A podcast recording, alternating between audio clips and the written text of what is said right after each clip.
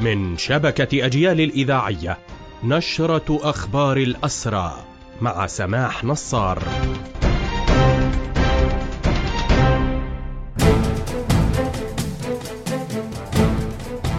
أهلا ومرحبا بكم إلى هذا اللقاء. أعلنت هيئة شؤون الاسرى والمحررين انضمام الأسيرين سيف حمدان وصالح ربايعه إلى قائمة الاسرى الإداريين المضربين عن الطعام ليصبح عددهم 13 اسيرا.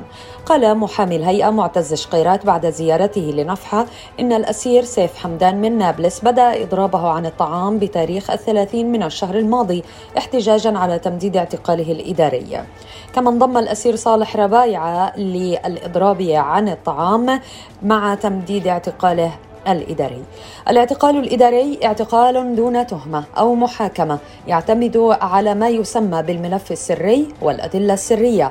لا يمكن للمعتقل أو محاميه الاطلاع على هذه الملفات ويمكن حسب الأوامر العسكرية الإسرائيلية أن يجدد أمر الاعتقال الإداري لمرات غير محدودة في أخبار هذه النشرة أيضا نواصل.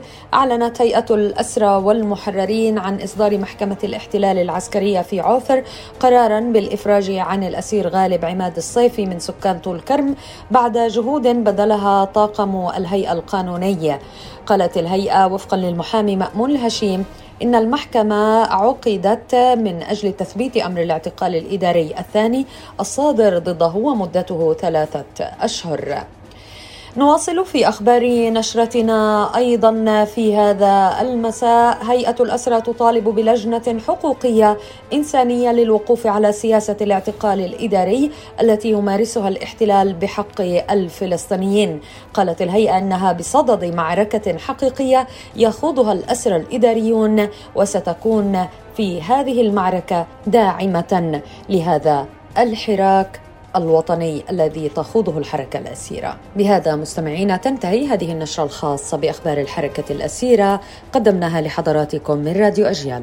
تحية الحرية لأسر الحرية وتحياتي. سماح نصار.